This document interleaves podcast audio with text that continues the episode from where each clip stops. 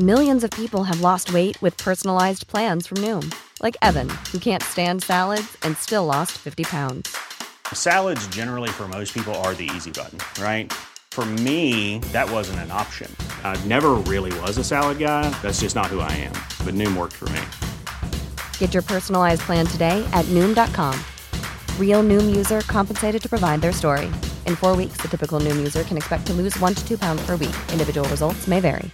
Ready to pop the question? The jewelers at BlueNile.com have got sparkle down to a science with beautiful lab grown diamonds worthy of your most brilliant moments. Their lab grown diamonds are independently graded and guaranteed identical to natural diamonds, and they're ready to ship to your door. Go to BlueNile.com and use promo code LISTEN to get $50 off your purchase of $500 or more. That's code LISTEN at BlueNile.com for $50 off. BlueNile.com code LISTEN.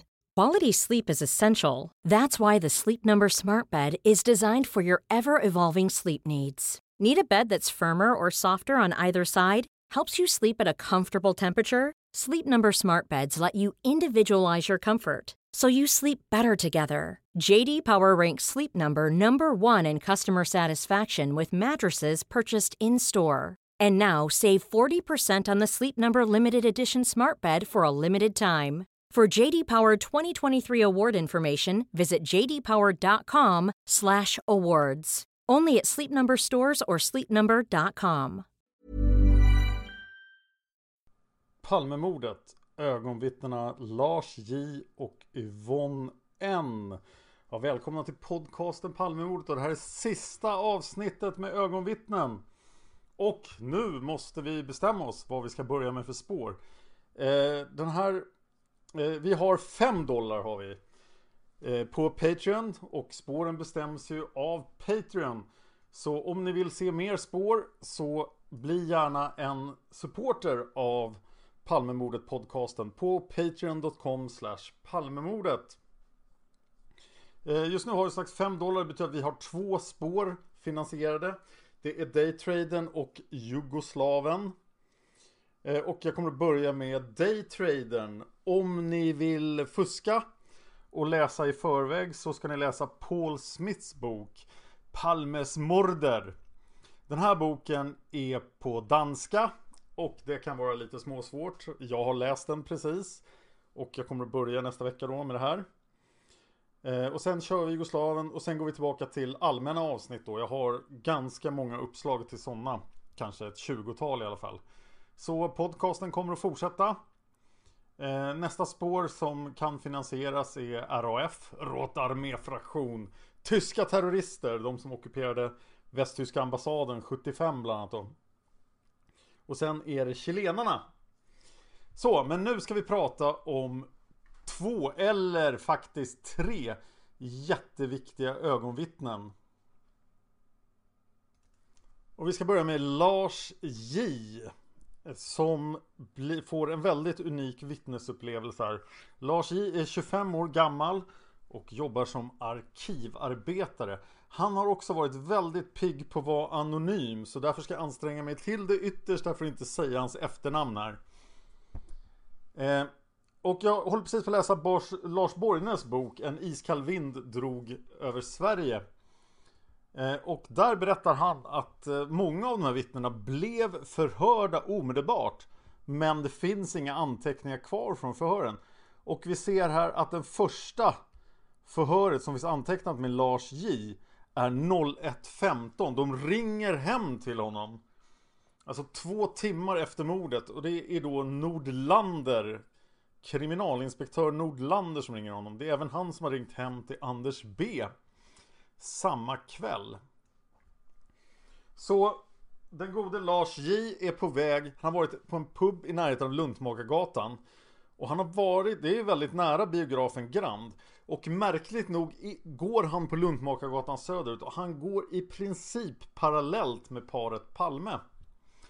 Eh, I det här första förhöret då så uppger han att när han kommer fram till korsningen Luntmakargatan Tunnelgatan hör han två stycken knallar. Han trodde först att det var något fyrverkeri men fick strax efter se en mansperson segna ner på gatan vid korsningen Sveavägen Tunnelgatan. Samtidigt som den kvinna som var med mannen började skrika hysteriskt.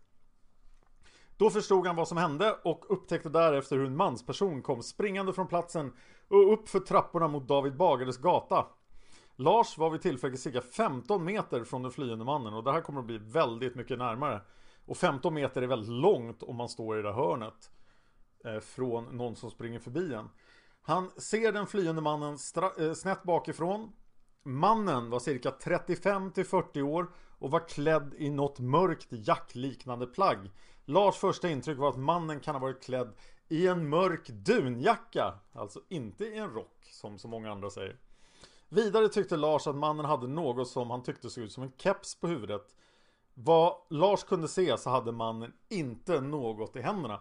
På grund av den uppkomna situationen tvekade Lars ett ögonblick på om han skulle skynda ner till den skadade eller om han skulle förfölja gärningsmannen. Det blev så att han skyndade efter gärningsmannen som då hade hunnit upp för alla trappor. Då Lars kom upp för trapporna mötte han ett medelålders par. Det var elakt sagt om de två. Vi ska prata mer om de två senare. Som han frågade var mannen hade tagit vägen som de måste ha mött. Kvinnan som verkade vara från ett sydeuropeiskt land Eh, fast de var nog från Finland. Och var cirka 35 till 40 år svarade att mannen försvunnit vidare nerför backen mot Regeringsgatan. Lars fortsatte då nerför David Bagares men kunde ej se mannen igen. Därefter återvände Lars till brottsplatsen och lämnade sina uppgifter till en ljushårig kvinnlig polis som då kommit till brottsplatsen och de här uppgifterna är alltså förlorade. Lars omtalar att han då, redan då, fick reda på att den skjutna personen skulle ha varit statsminister Olof Palme och det var alltså ett telefonförhör som tog 10 minuter. Så mycket kraft la Kenneth Nordlander på att förhöra Lars i. Sen är det dags igen, men det är inte förrän den 4 mars som de bestämmer sig för att hålla ett riktigt förhör med Lars i. Och det är ju jättemärkligt. Få personer har sett mördaren så här tydligt som Lars har gjort. Eh, förhörsledare är kriminalinspektör Monica Andersson. Finns inga förhörsvittnen. Lars hörs angående sina iakttagelser Ja, vid mordet då. Lars uppger att han under kvällen hade varit på puben Tre Backar på Tegnérgatan 12-14. Så vägg i vägg med Sigge Cedergrens lägenhet. Eh, eller väldigt nära i alla fall. Vilket är beläget strax väster om Döbensgatan. Han lämnade puben vid 23.15, 23.20 och gick sedan Luntmakargatan söderut. Det måste varit mycket närmare 23.15 än 23.20. Mordet är ju 23.21. Han uppger att han gick ensam från puben och gick likaså ensam hela vägen fram till Tunnelgatan. Under kvällen hade han druckit endast ett glas portvin. Vilken partykväll! Han gick sträckan i lugn takt. När han kommer fram till Tunnelgatan och just passerat barackerna som står i mitten på gränden stannar han till och funderar på om han skulle ta vägen ner på Sveavägen via Tunnelgatan. Medan han står där och funderar hör han två smällar som kommer i tät följd han uppfattar smällarna typ fyrverkeri eller smällare man kastar iväg. Det låter ju inte som en, en 357 Magnum utan ljuddämpare. Han hör att smällarna kommer ner från Sveavägen och tittar till neråt och ser en man falla omkull nere vid korsningen Sveavägen. Lars uppger att mannen är skymd från honom så länge han är upprätt men blir synlig framför barackerna när han faller. Han ser sedan en kvinna som faller ihop bredvid mannen och skriker till. Han hör sedan springande steg på Tunnelgatan i riktning mot sig själv. Dessa steg är på norra sidan av barackerna. Det är också bara den norra trappan vid eh, slutet av Tunnelgatan som det går att springa i. Det är byggbaracker, eller byggställningar i den andra trappan. Lars vänder sig om för att se den springande personen. Lars själv befinner sig då några steg in på Tunnelgatan på söder sida om baracken. Han ser sedan en man springa upp för trappan åt Malmskillnadsgatan. Lars står först stilla på sin plats men när mannen har kommit upp i övre halvan av trappan går Lars fram till början av trappan. Han har dessförinnan stått och tittat ner mot Sveavägen om man skulle gå dit och hjälpa till på något vis. Lars uppger att han såg mannen snett bakifrån på några meters avstånd. Han har här svårt att bedöma avståndet vilket ska korrigeras med en vallning på platsen sedan. Han säger sig inte ha sett mannens ansikte och notera här att ingen av de 22 mordplatsvitserna och inte Lars har sett mördarens ansikte. Och jag vill ju hävda att Lisbeth Palme förmodligen inte har gjort det heller. Och han har svårt att beskriva mannens kläder. Lars uppskattar mannens längd till ungefär om medellängd. Själv är Lars 164 cm lång och mannen var längre än han själv. Vidare uppger Lars att mannen var tämligen kraftig över axlar och rygg. På huvudet bar han en keps. Lars tror att den var mörk eftersom han inte la särskilt märke till den.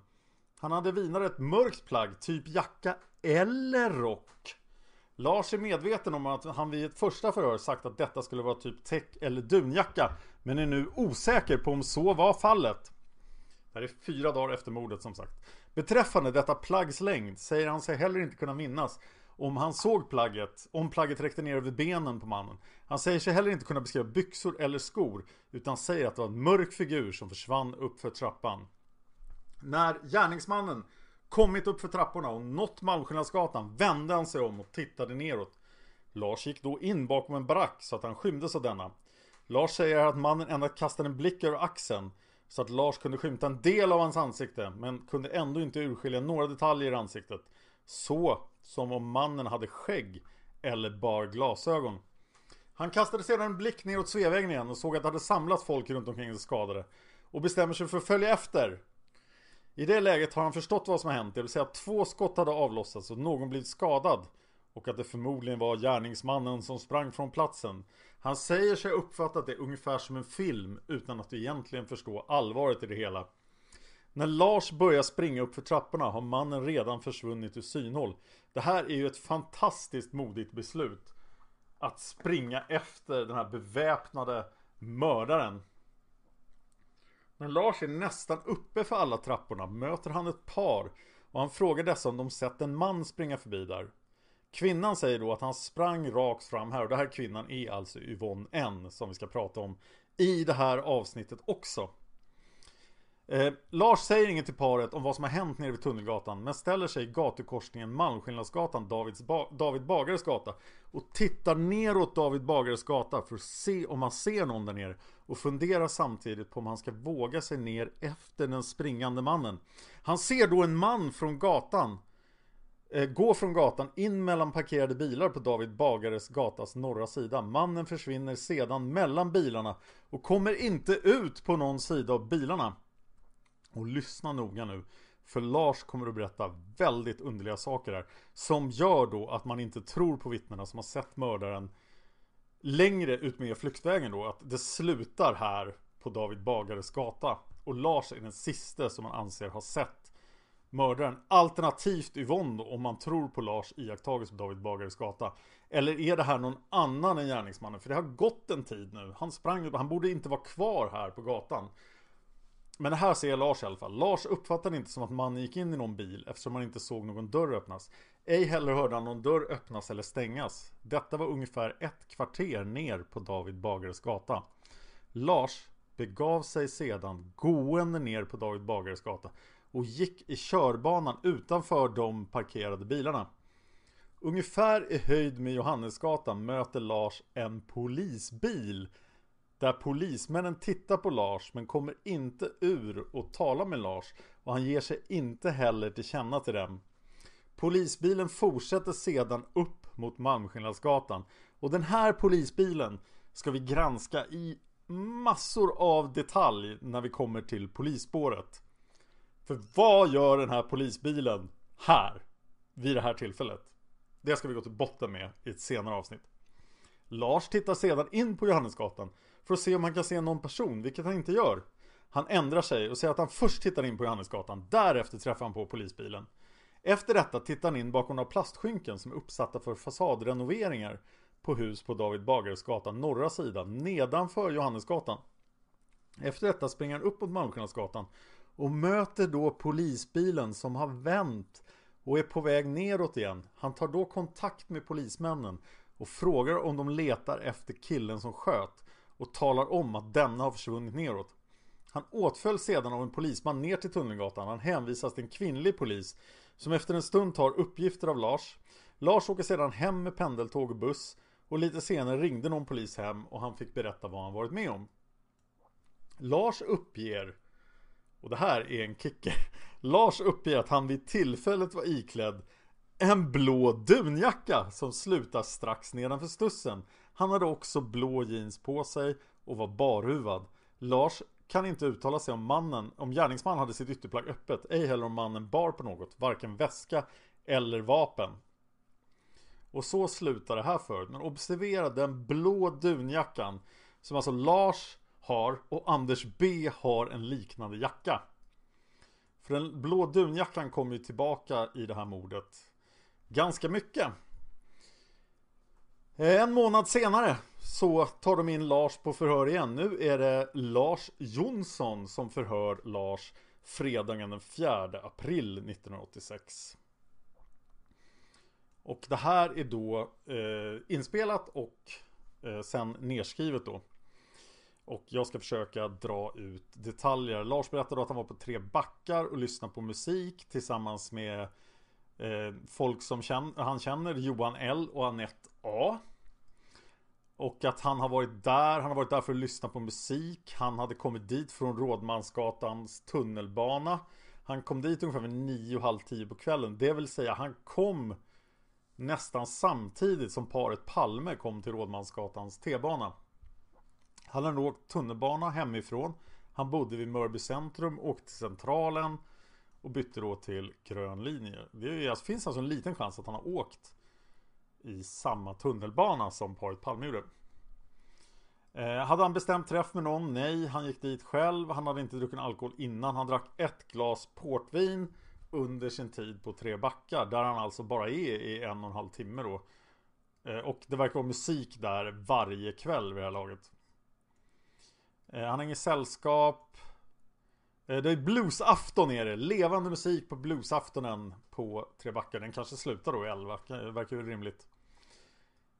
Eh, Tegnérgatan 12 till 14. Han köper där glaset portvin. Pratar med någon i kön. Så gick han ner till källaren där musiken fanns. Och så sitter han på golvet.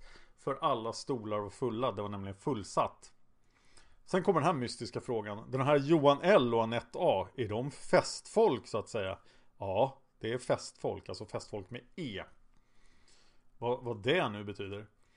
Och de brukar vara där då och då och eh, han, eh, han gör ingenting annat där. Han dricker sitt glas portvin och lyssnar på blues. Vi får reda på att Johan och Annette bor i Alby. Men han vet inte adressen. Varför de bor i Alby. Eh, och sen kollar de upp det i en anteckningsbok och så får vi en adress i Alby. Eh, ja, han pratar med några till. En tjej som är med i styrelsen i bluesföreningen och så någon bekant. Och jag antar att alla de här människorna har kollats upp då. Han har en blå dunjacka. Och sen då vid 23.15 ungefär så går han ut på Tegnérgatan. Och där nu först berättar han att han har funderat på att gå på nattbio. Och det verkar som att nattbion började 23.30 på Rigoletto. Men han tänkte gå till Kungsgatan och titta på bioannonserna om det fanns någonting att titta på. Eh, och förhörsledaren frågar Hade du några speciella avsikter? Och Lars svarade Det enda var att se om det fanns någon intressant film att titta på i nattbion. Om det inte fanns något intressant så hade jag tänkt att åka hem. Hade du någon speciell film i bakhuvudet? Nej, ingen speciell film. Och varför skulle du gå fram till Kungsgatan? Ja, därför att jag hade en svag aning om att Rigoletto brukar ha nattbio 23.30 eller någonting. Och det verkar stämma, för det har jag faktiskt läst i 33-åringen Handlingarna för 33-åringen och bio har ju ganska nära eh, koppling. Sen frågar honom, brukar du gå på nattbio så här sent? Ja, visst. Och så berättar han att han har varit på Folkets bio Odenplan och sett den enfaldige mördaren. Eh, och så ältar de tre backar lite till. Han är ensam, han går på Luntmakargatan. Det är ingen trafik där. Det är lugnt att gå på Luntmakargatan. Det är därför han, han går på Luntmakargatan då istället för att gå på Sveavägen. Där är en massa bilar och jobbiga människor. Men om han hade valt att gå ner till Sveavägen då hade han alltså gått då hade han hamnat hos Anders B och gått bredvid paret Palme nästan. För det här händer alltså parallellt. Han gick blandat på körfältet och på trottoaren. Och eh, när han såg att det inte kom några bilar så tyckte han att det var bättre plats på körfältet. Han går mitt i högra körfältet. Hade du någon väska med dig vid tillfället? Frågar förhörsledaren. Ja, säger Lars. Jag hade denna tygväska. Ja, du hade den här tygväskan du har med dig nu. Eh, den är ganska sliten och beige axelremsväska som du visar upp. Vad förvarar du i den väskan? Ja, just vi jag hade väskan den kvällen kommer jag inte ihåg. En anteckningsbok, någon bok och så vidare. Eh, det var någonting mera, men jag vet inte vad det är. Det var bara någon pryl. Vad för pryl? Och sen hänger förhörsledaren upp sig på det här att det... de pratar om något rutigt block han kan ha haft. Förhörsledaren är otroligt intresserad av vad Lars har i sin väska. Och jag tror, och vi, ska, vi kommer nog återkomma till det i ett senare avsnitt, att Lars var misstänkt för att vara inblandad. På något sätt här. För de här frågorna är jättemärkliga. De spenderar flera sidor av det här förhörsprotokollet med att prata om vad som finns i Lars väska.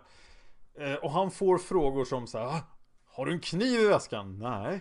Har du haft något vapen i väskan vid något tillfälle? Nej, om man inte räknar med en kökskniv som vapen Som jag kanske haft när jag varit i någon affär och handlat. Jaha, du har haft kniv i väskan. Ja, när jag gick från affären där jag köpte kökskniven och till bostaden. Ingenting annat. Och så är det liksom, det bara fortsätter om den där väskan.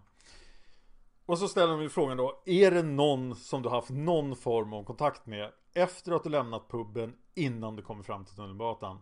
Och nej, utan han är helt fullständigt ensam på den här gatan Och det är inte orimligt, Luntmakargatan är ganska öde på kvällarna det enda som finns där är baksidan av Skandiahuset och alla skumma saker som är där och Sigge Cedergrens vapengömmor och allt möjligt sånt konstigt. Men vi fortsätter framåt. Han går och går. Han får peka ut på en karta var han går någonstans. Och eh, till slut då kommer han faktiskt fram till korsningen. Han tar några tveksamma steg in mot Tunnelgatan. Där han står på södra sidan av byggbaracken då. Och där står han och tvekar om man ska fortsätta Lundmakargatan upp eller gå ner på Sveavägen. Det är nämligen backe upp där. Den backen kommer vi prata om mer när vi pratar om den berömde Sigge Cedergren som återkommer hela tiden. För han är en väldigt konstig kriminell eh, knarklangare. Eh, och han kommer att köra ner för den där backen snart. Men där står Lars och tvekar och då hör han två skott. Nerifrån Sveavägen och han ser då det här vi har pratat om tidigare. Kan du beskriva smällarna? frågar förhörsledaren. Lars svarar korta, snabba. I tät följd. Det är två stycken. Såg du någon eldsflamma? Nej, det gjorde inte Lars. Han tittar ner mot restaurangen Bohemia då, som jag tror ligger på Tunnelgatan. Och... Eh, och eh, kan, eh, kan Lars bedöma ljudnivån på smällarna? Ja, det var högt. Eh, ekar det i gränden? Nej. Men det var högt. Kan du försöka dra dig till minnes det exakta händelseförloppet efter dessa två smällar? Jag ser då någon person falla ihop och en kvinna, en ung kvinna som faller, placerar sig bredvid och skriker Hjälp, vad gör du? Eller nej, vad gör du? Jaha, du hör kvinnan skrika Hjälp, vad gör du? Eller nej, vad gör du? Så ja, du ser kvinnan. Ja, typ siluetter då. En siluett av kvinnan. Och sen hör han då en person börja springa och han är skymd av byggbaracken. Och den här mannen kommer springande mot Lars. På norra sidan av byggbarackerna. Han hör stegen, de springer. Eh, får du uppfattningen att han springer fort, långsamt eller på vilket sätt? Han springer fort, som att han hade bråttom. Hörs det ett speciellt ljud? Nej, inget speciellt. Bara fotsteg. Bara fotsteg. Man kan liksom inte urskilja att han har en viss typ av fotbeklädnad. Nej, eh, det hörs inget annat ljud än fotsteg. De frågar specifikt efter ett metalliskt ljud. Så, och sen frågar de Lars, vad gör du i det här skedet? Ja, jag hajade inte riktigt vad som har hänt eller insåg inte riktigt allvaret. Så på något sätt kunde jag inte föreställa mig att jag skulle vara med om Och när det väl hände koppla inte det till som verkligen har hänt. Och förhörsledaren säger, men de här smällarna, kraftiga smällarna, gav du inte under tanke åt det hållet? Att det var någon form av skottlossning? Ja, jag hörde stegen och såg honom falla upp så tänkte jag att han har blivit nedskjuten. Förstod du att den här personen som kom springande kunde haft med det inträffade att göra? Ja, det förstod han med detsamma. Och han står kvar då, gömd där. Och stegen springer förbi honom. Och han vänder sig om och ser den här personen när han dyker upp i korsningen. Så han och förhörsledaren tycker nu att det här är oklart. så Han säger så du har vänt dig om alltså. Står och ser när han kommer och dyker upp bakom barackerna. Ja, jag ser en figur som springer. Förhörsledaren frågar vad är det för figur? Känner du igen honom? Och det här är en intressant fråga här. Det är för tidigt att ställa den här frågan egentligen. Men frågan är oerhört relevant. För Lars bor och rör sig i närheten av området där Christer Pettersson hänger med A-laget. Så Lars vet vem Christer Pettersson är. Och är lite rädd då för den här aggressiva A-lagaren som man ofta ser. Men Lars kommer aldrig någonsin att peka ut Christer Pettersson här. Och det är väl, finns väl ganska stor chans att Lars skulle ha varit den som kände igen Christer Pettersson om det nu vore Christer Pettersson. Men Lars kommer aldrig att peka ut honom. Det är en viktig detalj då. Och här säger han, jag skulle inte känna igen honom, jag ser bara en kraftig ryggtavla.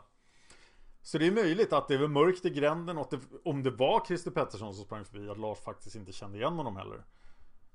Men en intressant detalj är just att han känner till Christer Pettersson. Och de frågar flera gånger, är det någon som du känner igen? Nej, det är ingen som jag. Det är ingen person som du känner igen. Nej, det är ingen bekant till dig eller någon annan människa som du känner igen. Nej, det är aldrig någon. Det är inte någon som jag sett förut. Aldrig.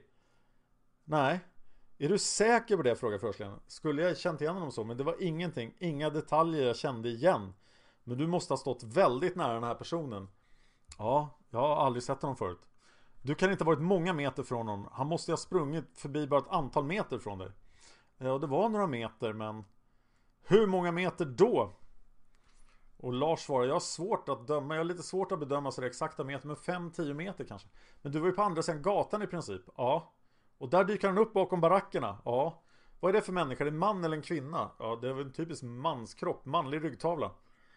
Men du ser honom inte direkt när han kommer upp. Jag ser aldrig framifrån. Jag ser honom bara snett bakifrån. Jaha, du ser aldrig ansiktet? Nej. Hur kommer det sig att du inte ser honom framifrån då? Nej, för det var på motsatta sidan vid barackerna. Jag brydde mig inte om att gå till hans sida om barackerna. Och så fortsätter de och de kommer fram till att han har då inte sett ansiktet på den här människan. Beskriv vad du ser, frågar förhörsledaren. Och nu går Lars på djupet där. Jag ser en bred ryggtavla och någonting på huvudet som ser ut som en keps. Någon typ keps. Jag tänkte inte så noggrant på kläderna just då utan nu efteråt när jag hade kontakt med polisbilarna så jag fått för mig att det var typ en mörkblå täckjacka eller någonting. Det var någonting som du bara hade fått för dig. Ja, det var någonting jag hade fått för mig. Det var något mörkt i alla fall, något mörkt klädesplagg.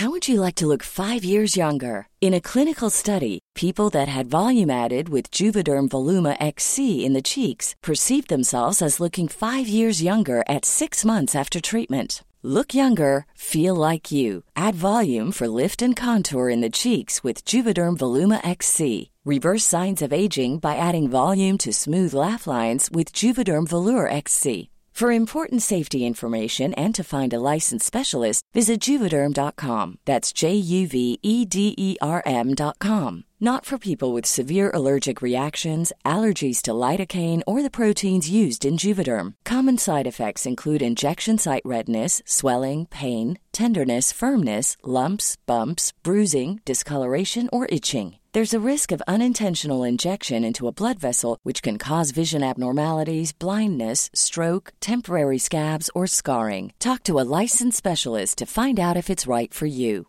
Ready to pop the question? The jewelers at BlueNile.com have got sparkle down to a science with beautiful lab grown diamonds worthy of your most brilliant moments. Their lab grown diamonds are independently graded and guaranteed identical to natural diamonds, and they're ready to ship to your door. Go to BlueNile.com and use promo code LISTEN to get $50 off your purchase of $500 or more. That's code LISTEN at BlueNile.com for $50 off. BlueNile.com code LISTEN. Hiring for your small business? If you're not looking for professionals on LinkedIn, you're looking in the wrong place. That's like looking for your car keys in a fish tank. LinkedIn helps you hire professionals you can't find anywhere else, even those who aren't actively searching for a new job but might be open to the perfect role. In a given month, over 70% of LinkedIn users don't even visit other leading job sites. So start looking in the right place. With LinkedIn, you can hire professionals like a professional. Post your free job on linkedin.com slash people today. Förhörsledaren säger, när du ser att han dyker upp och du ser honom snett bakifrån, vad ser du då? Du ser alltså en man som springer Tunnelgatan österut. På vilket sätt springer han? Och Lars säger han springer något framåtlutad. Inte mycket men något i alla fall. Förhörsledaren säger hur springer han? Man kan ju springa på olika sätt. Lars säger tungt. Förhörsledaren säger tungt, tunga steg. Ja, snabba men ändå tunga på något sätt. Kan du närmare i detalj försöka utveckla det? Vad kan det bero på? Jag vet inte, säger Lars. Det kanske beror på att han var tung i sig själv, kanske. Och han springer något framåtlutad. Och då frågar förhörsledaren, var det något speciellt i hans sätt att springa som du lade märke till? Inget speciellt, svarar Lars. Han kanske förde armarna fram och tillbaks något, men Egentligen såg jag bara armen som var närmast mig, höger arm då. Den förde han liksom framåt bakåt. Det låter som en vanlig människa som springer. Verkar han van vid att springa? Har du erfarenhet av sånt?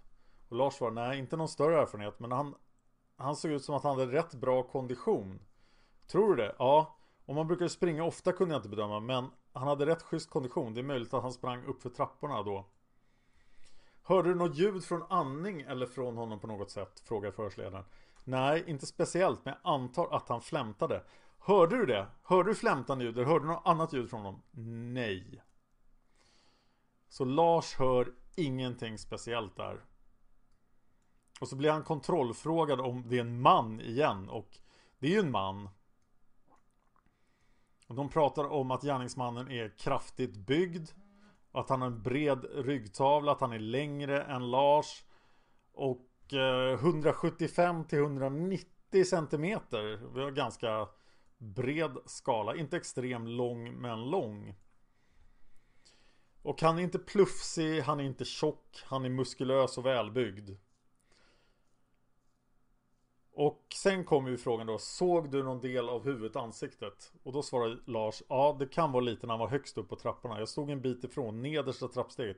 Så gjorde han ett snabbt ögonkast. När han var högst upp på trapporna, jag stod en bit ifrån, nedersta trappsteget då. Såg han gjorde typ ett snabbt ögonkast ungefär. Snett bakåt höger, ja.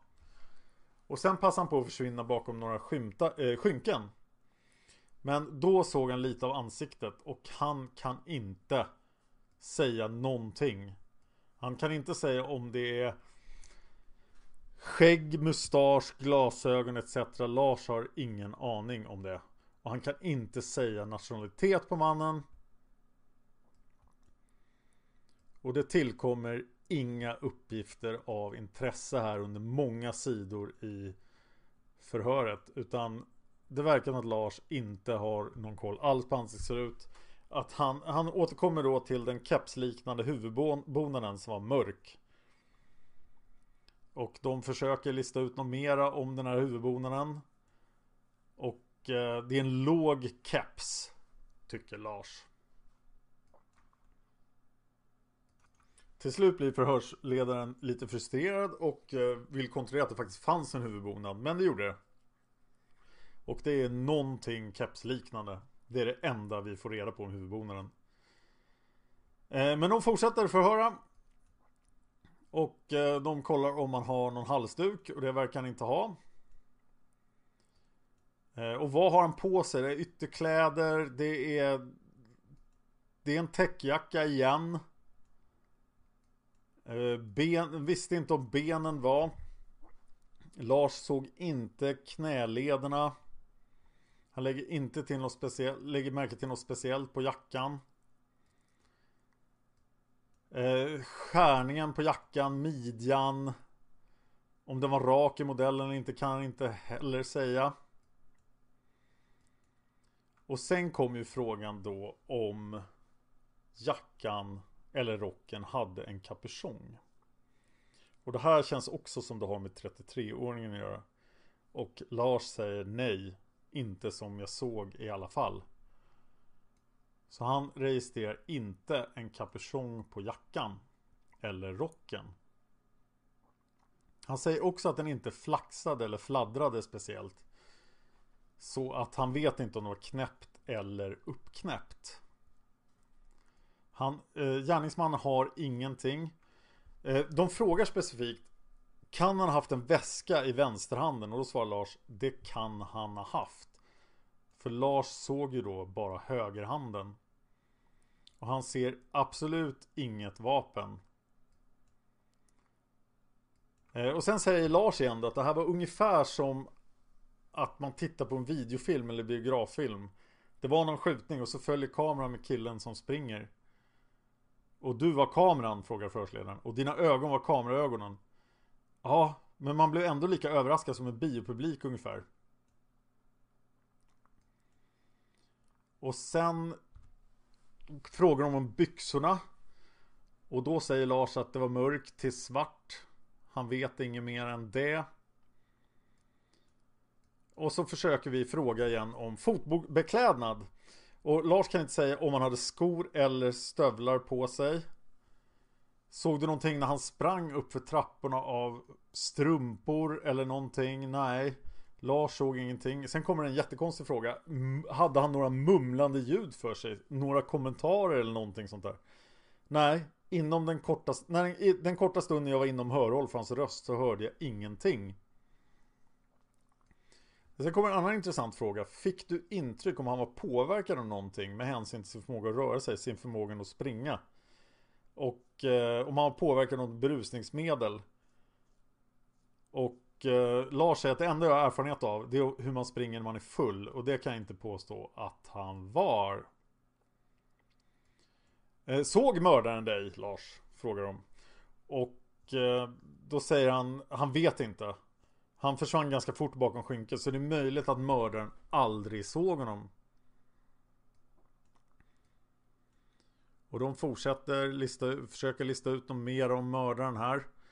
Men!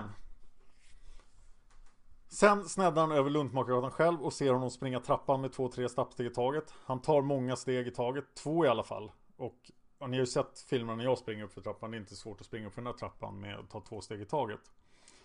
Sen tittar han ner mot Sveavägen igen. Och eh, Eh, sen bestämmer han sig till slut då för att springa efter och då har mördaren sprungit vidare.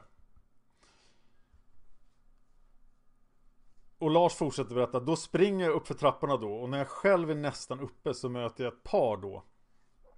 De är precis, tar precis sina första trappsteg då jag kom upp för. För att gå ner för trapporna frågar förhörsledaren. Ja, och det är en man och en kvinna. Ja, det är en man och en kvinna. Och jag frågar dem om de har sett någon kille springa förbi. Och de säger han sprang rakt fram och pekar på David Bagares gata. Vem av dem säger det? frågar förhörsledaren. Det är kvinnan. Vad säger hon exakt? Jaha, han sprang rakt fram, liksom jakande då. Och då fortsätter Lars. Han ställer sig i korsningen på Malmskillnadsgatan, David Bager och tittar rakt nerför. Han står mitt i korsningen och så ser han David Bager rakt nerför. Ser du någon då? Nej, jag ser ingen springande. Men jag har en svag aning om att typ siluett, huvudsiluett gömmer sig bakom någon parkerad bil. Var någonstans? Kan du visa på kartan? Ja, det får bli på ett ungefär va? I närheten av korsningen David Bagares och Regeringsgatan. Är det så långt fram som Regeringsgatan? Nej, fel! Här uppe blir det, Johannesgatan. Det är alltså nästa tvärgata. Eh, jaha, säger förhörsledaren, så mannen var vid korsningen? Ja, det var antingen strax före eller strax efter, det kunde jag inte bedöma. Men det kan du kanske göra, eller det kanske inte går att bedöma det. På vilket avstånd såg du honom? Eller såg du någon rättare sagt då? Det gick så snabbt, säger Lars. Jag var liksom väldigt osäker, men jag såg någonting. Eh, för det kunde väl vara typ huvud och axelpartiet snabbt bakom någon bil, parkerad bil alltså. I närheten av korsningen David Bagares gata och Johannesgatan. Ja. Men du fortsätter ändå rakt fram. Ja, jag går ner för då. Titta lite om jag kunde se någon. Du går alltså David Bagares gata österut. Ja, jag går österut. Ser du någon då? Frågar förhörsledaren. Nej. Enda jag ser då på vägen ner det är en polisbil som svänger in på David Bagares gata. Men vi möter varandra så han kör förbi. Jag går förbi liksom och så tittar jag bakom. Åt vilket håll svänger polisbilen? Ja, uppåt mot Malmskillnadsgatan. Jaha, så han kör alltså tydligen Regeringsgatan och David Bagares gata västerut. Mot Malmskillnadsgatan? Ja, det stämmer. Vad är det för polisbil? Det är en vanlig svartvit. Det sitter två stycken poliser i den då. som sagt vi återkommer till de två poliserna. Men du fortsätter själv att gå i riktningen David Bagares gata österut. Ja. Hur långt går du? Lars svarar. Jag gick nog ner förbi Johannesgatan en bit. Inte så långt som till Regeringsgatan men kanske första andra huset. Efter Johannesgatan och jag tittar bakom något plastskynke som de har uppsatt på väggen då alltså. Eh, han försvann där alltså? Han, den där som du tyckte dig se? Frågar förhörsledaren. Ja. Var försvann han? Försvann han på David Bagares gata eller försvann han på Johannesgatan och på vilken sida i så fall? Och Lars säger, jag tycker mig se någon var på vänster sida om eller norra sidan av David Bagare. Det är mera på David Bagares gata än Johannesgatan. Är det så? Frågar förhörsledaren. Ja. Förhörsledaren säger, om vi nu tittar i den här korsningen David Bagares och Johannesgatan. Var i korsningen gör du iakttagelsen? Är det precis i början eller? Nej.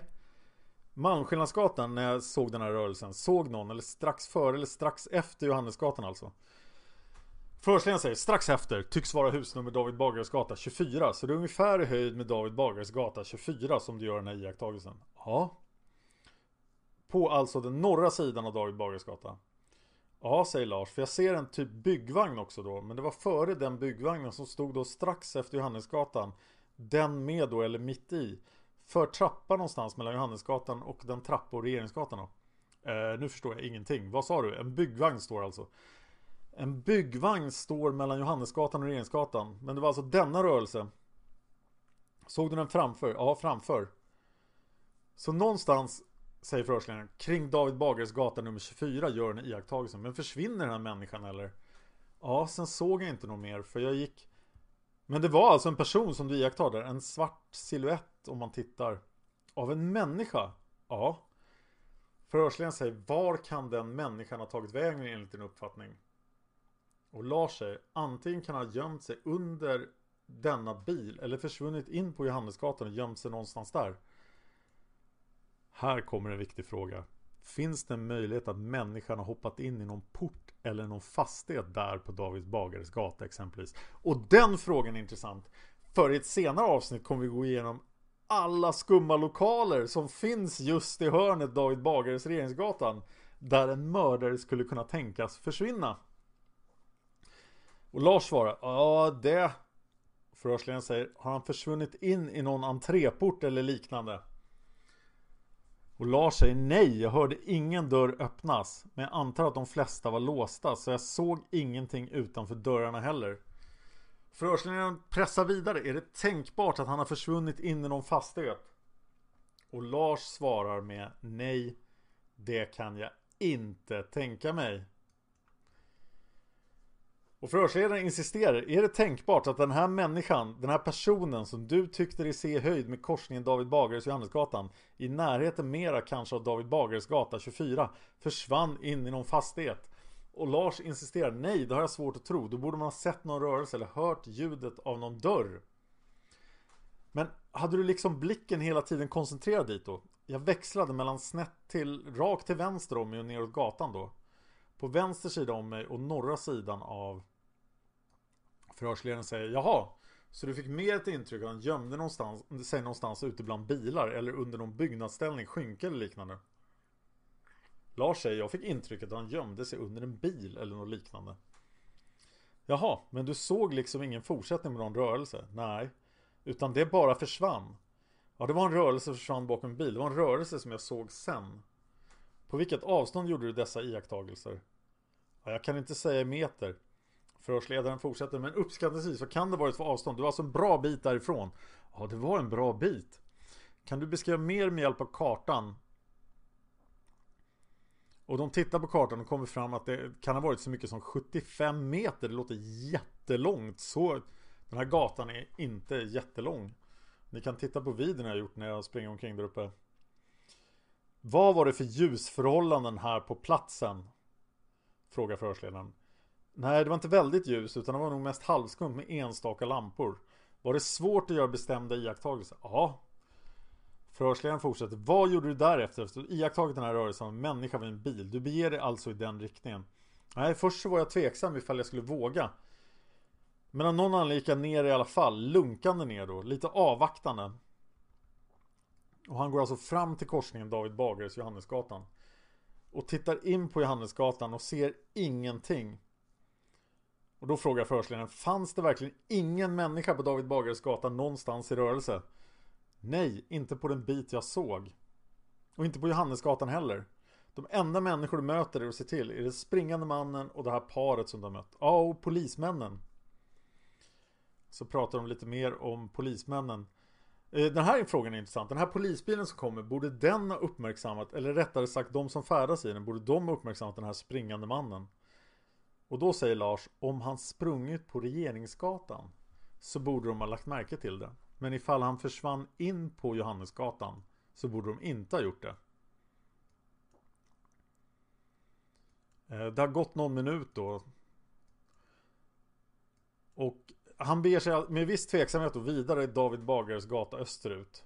Ner till Johannesgatan. Och så fortsätter han några meter till en byggnadsställning med plastöverdrag. Och var finns den byggnadsställningen från förstledaren? Ja, det är på norra sidan av en husvägg på David Bagares gata. Och där tittar du in. Ja, jag tittar in där och där ser jag ingen. På vilket sätt tittar du? Tittar du närmare eller bara så här försiktigt? Jag gick in på trottoaren och lyfte på skynket så att jag kunde titta in. Var det en plats där man kunde försvinna och gömma sig? Ja, där såg jag en liten, det skulle kunna vara möjligt. Eh, det var någonting på andra sidan av det skynket som kunde tyda på att man kunde försvinna in där om man var lite smidig. Vad var det för någonting då? Ja, det var en liten mindre öppning i plastskynket. Var ledde den öppningen? Ja, den ledde motsatt David Bagares gata, trottoaren då, längre österut. Så man kunde fortsätta så att säga med det här skynket som skydd för fortsatt färd. Och han tittar vidare där och ser om han hittar någon då. Och så frågar de, vad är din uppfattning Lars? Hade personen försvunnit just på den här platsen in någonstans eller? Ja, som jag ser det så måste han försvunnit på norrsidan av David Bagares gata. Och jag, jag ältar det här så mycket, jag går så djupt in i det förut med Lars i eftersom det här är det sista vi vet att någon såg av mördaren. Och eh, Lars säger, jag har aldrig funderat efteråt ifall han hade kunnat springa förbi Regeringsgatan nerför trapporna som finns på David Bagares gata. Men jag tycker nog att jag borde sett honom ifall han sprungit där. Och det är otroligt viktigt för Lars säger alltså att han borde ha sett om mannen fortsatte ner mot Birger Och förhörsledaren fortsätter. Så det verkar mer som att han är uppslukad där. Antingen in i någon port, fastighet eller någon annanstans. Ja, om han bara liksom gömt sig någonstans, uppslukad. Men du ser inte någon bil i rörelse eller någon annan. Du hörde inget ljud, typ att någon öppnar någon bildörr. Nej, inga ljud alls. Hur länge var du kvar vid den här platsen? Ja, vid den platsen tittar jag bara in, jag ser ingenting. Så går jag ut på gatan igen till motsatta sidan av trottoaren och försvinner upp mot Malmskillnadsgatan. Då jag möter polisbilen igen. Och sen eh, händer inget mer spännande. Förutom om man pratar om polisbilen och det ska vi ju faktiskt inte göra i det här avsnittet. Men de är inte klara med Lars än utan den 27 augusti 1986 så vill de förhöra honom igen. Och då görs en konstruktion när de går på gatan med Lars.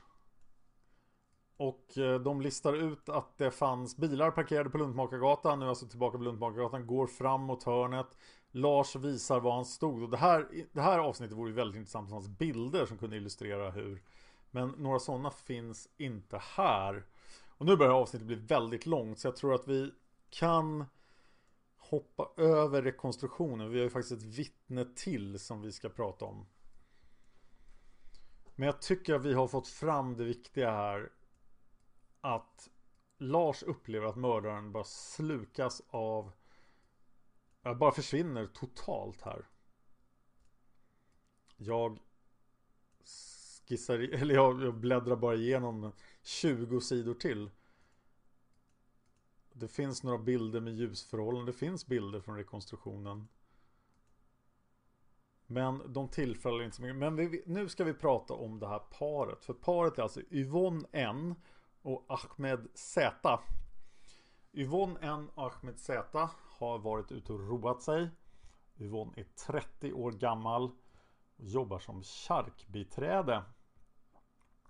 Och nu mina vänner ska vi konfrontera det sista viktiga vittnet. Det sista av de ursprungliga vittnena. Yvonne N.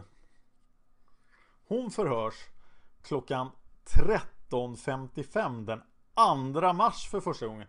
De har nämligen tappat bort hennes uppgifter. Hon pratade ju med en polis. Gjorde hon. Men de har tappat bort henne som har efterlyst henne i tidningarna. Och Yvonne kontaktar då polisen och blir förhörd av Håkan Ström. Vi pratar alltså klockan två den 2 mars. Nu har Yvonne alltså läst tidningarna. Och eh, fått sin minnesbild då kanske påverkad. Men här kommer det. Först får vi reda på Yvonne och hur Ahmed är klädda. De hade varit på en klubb på Johannesgatan som de lämnade vid 23.15, 23.20 tiden. Det var endast de två som gick därifrån tillsammans. De gick Johannesgatan söderut och svängde in på David Bagares gata och fortsatte denna västerut mot Sveavägen. De gick på den norra trottoaren på David Bagares gata. De hade gått 5-6 steg på David Bagares gata då Yvonne upptäckte en man som kom springande på den motsatta sidans trottoar. Avståndet till mannen var inledningsvis cirka 10 meter. Det var mest parkerade bilar på den sida som Yvonne och Ahmed gick på. Någon enstaka bil var parkerad på den motsatta sidan. Det var dålig belysning på platsen. Yvonne var den som gick närmast gatan av henne och Ahmed. Yvonne fick intryck av att mannen var jagad. Han vände sig om två, tre gånger under den tid det tog tills han passerat dem. Mannen sprang inte speciellt fort. Han hade nedförsbacke. Medan mannen sprang försökte han stoppa ner eller ta ut något ur en väska han bar i vänster hand. Mannen gjorde rörelser som om han med den högra armen exempelvis försökte dra upp ett blixtlås. Väskan var i storlek cirka 20 gånger 15 cm. Och de här måtten är jätteintressanta eftersom Viktor Gunnarsson, 33-åringen, gick runt med precis en sån här väska varenda dag. Det är också intressant för att om mordvapnet verkligen är en 357 Magnum med en extra lång pipa då kan inte då kan inte vapnet få plats i den här väskan. Så att det måste vara någonting annat än vapnet. Yvonne såg inte till någon rem eller liknande som fladdrade. Väskan var mörk till färgen. Yvonne undrade för sig själv varför mannen inte stannade och ordnade till med väskan. Mannen ignorerade Yvonne och Ahmed. Mannen hade en mörk rock, troligen svart. Som var uppknäppt och fladdrade. Rocken var ungefär till knähöjd. Rocken måste ha varit åt något tunt material eftersom den fladdrade mycket. Rocken verkade vara mörk även på insidan. Något foder syntes inte. I övrigt var mannen helt mörkklädd. Yvonne uppfattade det som att mannen hade en mörk tröja under rocken. Mannen hade huvudet nedböjt medan han sprang. Han hade sin blick riktad mot väskan han höll på med. Yvonne riktade sin uppmärksamhet mot mannens händer och vad han höll på med. Yvonne såg mannens haka. Han hade inget skägg. Yvonne såg inte om mannen bar glasögon. Hon reagerade inte för om mannen hade någon huvudbonad eller ej. Åldersmässigt hänförs mannen till mellan 35 till 40 års åldern. Mannen var inte tjock, snarare satt eller grov. Det verkade som det var jobbigt för honom att springa. Vid ett tillfälle verkade det som att mannen halkade till. Det var snömodd. Mannen hade ljus hy på det lilla Yvonne såg av mannens haka. Han var cirka 175 till 178 cm lång. Väldigt specifikt. Yvonne och Ahmed kommenterade inte mannen sinsemellan. Yvonne och Ahmed fortsatte David Bagares gata över Malmskillnadsgatan. De hade hunnit ner för några trappsteg i trappan ner mot Luntmakargatan. Då de mötte en kille i 20-25 årsåldern. Han var smal och hade blont hår. Det är ju alltså Lars då. Han frågade om de sett en man springa förbi och Yvonne svarade då ja, han sprang rakt fram. Samtidigt vände hon sig om och pekade eventuellt i riktning mot David Bagares gata. När de kommit ner för trappan mötte de fyra poliser som kom springande med dragna pistoler. Och de fyra poliserna ska vi också prata om i detalj när vi granskar polisspåret. Så här är alltså Södermalmspiketen. De här fyra poliserna borde varit på Södermalm eh, just nu. De är alltså inte i sitt eget distrikt. Nere på Sveavägen låg en man på trottoaren med en syrgasmask för ansiktet. Det var flera poliser och en ambulans. Yvonne sammankopplade mötet med mannen på David Bagares gata och den skadade mannen på gatan. Yvonne gick direkt fram till en polis och lämnade sin berättelse och adress. Och den här berättelsen och adressen är alltså fullständigt försvunna. Och sen är det dags igen två dagar senare för då kommer Lars Jonsson och Åke Torstensson som är poliser och de sammanträffar då med vittnet Yvonne. Nu är det fyra dagar efter mordet för att förevisa henne fotografier på en kurd. Eh, och Yvonne studerar noggrant forterna då och eh, ja hon framhåller att hon inte såg ansiktet på mannen utan bara hakan som dessutom var den enda del av mannen som framstod som ljus. Mannen som kom springande var mycket mörk klädd. Hon lägger fingrar över huvudet ansiktet på helbildsfotot av den här kurden. Varefter hon uppger att kroppsbyggnaden även som rockens längd, dock inte tjocklek och till synes för ljus färg stämmer in på mannen som sprang. Hon poängterar på nytt att hon nästan fixerade sin blick på att mannen under det att han hela tiden sprang höll på att antingen öppna eller stänga blixtlåset till en mindre väska 20 x 15 cm som han höll i sin vänstra hand. Väskan påminner om en handledsväska men hon såg ingen rem. Hon fick uppfattningen att väskan var stabil, hård i sin form, till exempel som en kameraväska.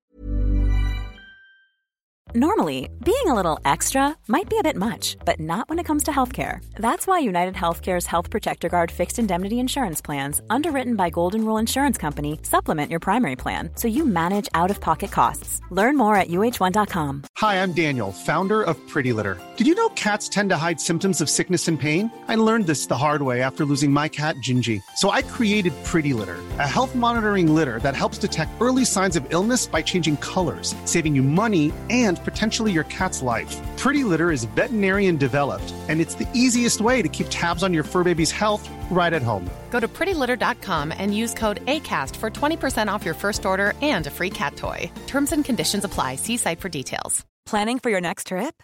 Elevate your travel style with Quince. Quince has all the jet setting essentials you'll want for your next getaway, like European linen, premium luggage options, buttery soft Italian leather bags, and so much more. And is all priced at 50 to 80% less than similar brands. Plus, Quince only works with factories that use safe and ethical manufacturing practices. Pack your bags with high-quality essentials you'll be wearing for vacations to come with Quince. Go to quince.com/pack for free shipping and 365-day returns. Hennes första tanke var att mannen hade stulit pengar, eller kanske till och med väskan. Hon fick en klar uppfattning om att mannen var jagad eftersom han flera gånger vände sig om och tittade bakåt. Hon fick en känsla att mannen av någon anledning hade vissa svårigheter att springa. Antingen av skälet att han hade dålig kondition eller av annan orsak. På frågan om hon hörde flåsande eller stönande ljud från honom uppger hon att det gjorde hon inte. Hon var i uppfattningen att mannen fortsatte att springa David Bagares gata österut. Så vitt hon kan erinra sig såg hon inga andra människor i rörelse på vare sig Johannesgatan eller David Bagares gata. Ej heller såg hon något fordon i rörelse eller person i fordon.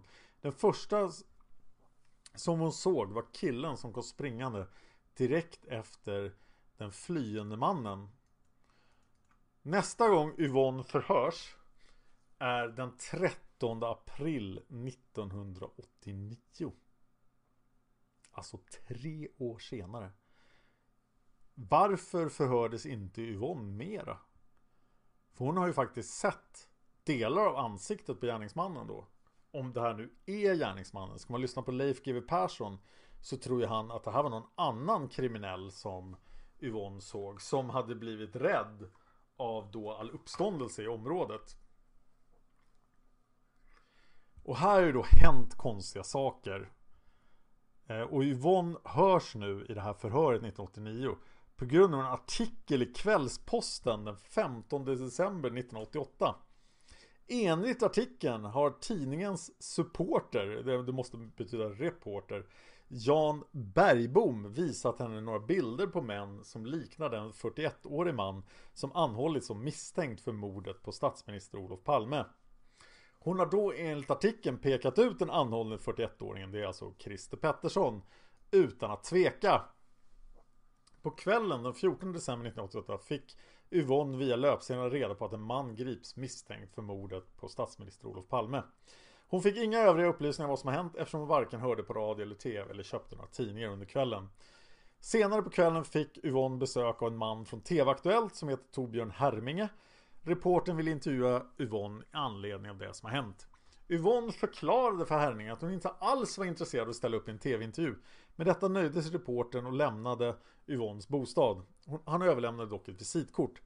Något senare samma kväll fick Yvonne besök av en granne i fastigheten som uppgav att han fått ett telefonsamtal från en journalist som heter Jan Bergbom. Denne Bergbom hade bett grannen att uppsöka Yvonne och be henne ringa honom. Anledningen att Bergbom ringde grannen berodde enligt Yvonne på att hon har hemligt telefonnummer. Eh, Yvonne ringde då till Jan Bergbom på tidningen Kvällsposten och hon fick då klart för sig att denna reporter ville komma och intervjua henne med anledning av de iakttagelser hon gjort i närheten av mordplatsen. Reporten undrade också om Yvonne åter blivit kallad till förhör hos polisen, vilket Yvonne förklarade det hade hon inte blivit. Och vid 21-tiden samma kväll kommer Jan Bergbom hem till Yvonne tillsammans med en fotograf. Reporten intervjuade Yvonne angående de iakttagelser hon gjort under mordkvällen. Efter intervjun förevisade reporten tre stycken olika bilder av för henne okända män. Det här är ju alltså ett väldigt konstigt sätt. Nu förstör den här reporten Yvonne som konfrontationsvittne då. Yvonne uppger att de tre olika bilder hon fick se förevisade tre stycken olika mäns ansikten. Man kunde se ansikten och del av männens axelparti. Hon uppskattar åldern på de tre männen till 40 till 45 år. Minnesbilden är att en av männen på fotografierna var något ljusare i håret än de övriga två. Mannen med det något ljusare håret hade också mustasch samt kraftiga kindben. Yvonne uppger spontant att mannen hade ett finskt utseende. En av de båda mörka männen hade också mustasch. Då reporten undrade om Yvonne kunde peka ut någon av de tre männen så förklarade hon att hon aldrig hade sett gärningsmannens ansikte under mordkvällen. Hon förklarade att hon kunde peka ut mannens kroppsbyggnad, kropphållning samt hur satt han var. Reporten undrade ändå om inte Yvonne kunde peka ut någon av de tre männen. Eh, Yvonne pekade då på en av bilderna och menade att det var, om det gällde kroppsbyggnaden så kunde det vara den här personen. Hon förklarade samtidigt för Bergbom att personens ansikte var helt obekant för henne. Hon tillägger vidare att alla tre bilderna var fullständigt obekanta. Hon aldrig hade sett någon av de tre personerna. Beträffande den person som Yvonne pekade ut på fotografiet så var denne den mörkare av de tre och bar mustasch. Denne man var den man som mest grov runt själva axelpartiet. Det var ju också det enda som Yvonne tittade på eftersom ansiktet inte sa henne någonting. Efter det att Yvonne pekade ut denne man så uppgav reportern att han var identisk med 41-åringen för någon vecka sedan, troligen i början av april månad 89, så tittade Yvonne på TV3 och fick då i samband med ett nyhetsprogram se en bild av en man. Bilden som förevisades i TV-rutan var den 41-åringen. Och hon kände igen bilden direkt så som varande samma man som hon pekade ut på fotografiet. Det vill säga, det här var ju helt värdelöst som identifikation.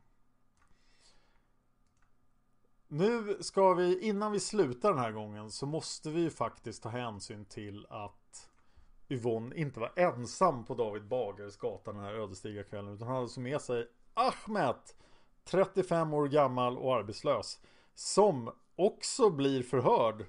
Och han blir förhörd den 3 mars av Håkan Ström ständigt återkommande. Och här kommer då det väldigt väldigt korta förhöret med Ahmed. Ahmed hade på kvällen den 28 februari 1986 sällskap med Yvonne. De hade varit på en marockansk klubb på Johannesgatan 8. Och eh, här finns även klubbens telefonnummer. De lämnade klubben omkring klockan 23.30. Och det stämmer inte alls, får man hoppas. För annars har det här ingenting med mordet att göra. Det var endast de två som gjorde sällskap med varandra. De gick Johannesgatan söderut och svängde in på David Bagares gata i riktning mot Sveavägen. När de gick på David Bagares gata var det mycket bilar parkerade. De gick på den norra, högra trottoaren. På den motsatta trottoaren kom en, en man springande. Det enda Ahmed kan säga om den mannen är att han hade en mörk, troligen svart, knälång rock på sig. Ahmed såg inget av mannens ansikte och har inga fler minnesbilder om mannen. När de gått över Malmskillnadsgatan och kommit till trapporna ner mot Luntmakargatan möter de en svensk kille Cirka 28 år gammal Killen frågade Yvonne om de mött någon. Yvonne pekar då i en riktning som mannen hade sprungit. Killen fortsätter då springa i den riktning som Yvonne visat. När de kommer ner för trapporna vid ett hus som byggs om möter de fem poliser som kom springande. På trottoaren låg en blodig man. Eh, Ahmed talade om för polis vad han hade sett. Eh, observera att Ahmed uppger fem poliser och Yvonne uppger fyra. Det kan möjligtvis ha att göra med att en av poliserna åkte rulltrappan upp. Men de nöjer sig inte med det här utan den 13 mars 1986 är det dags för Jan Lenninge att också förhöra Ahmed. Och det är inte heller speciellt lång då. Ahmed och Yvonne observerade den springande mannen på David Bagares gata när de gått ett par meter västerut på denna gata från Johannesgatan. De gick sedan i lugn takt till trapporna Tunnelgatan Malmskillnadsgatan. De hade inte börjat gå upp ut för trapporna då det kom en kille uppspringande. Han frågade om de sett någon och de sa att en man sprungit ner för David Bagares gata. Detta tog endast några sekunder och de stannade inte till. De sågs inte heller om för att se om den första mannen fortfarande var synlig. Killen sprang ner för gatan. De fortsatte i vanlig lugn takt ner för trapporna och kom fra och fram till baracken på Tunnelgatan omedelbart väster om Luntmakargatan. Där blev de stoppade av flera polismän som kom springande från Sveavägen med dragna skjutvapen. Polismännen frågade om de sett någon springa förbi. De berättade om mött en kille i trappan. Polismännen sprang vidare.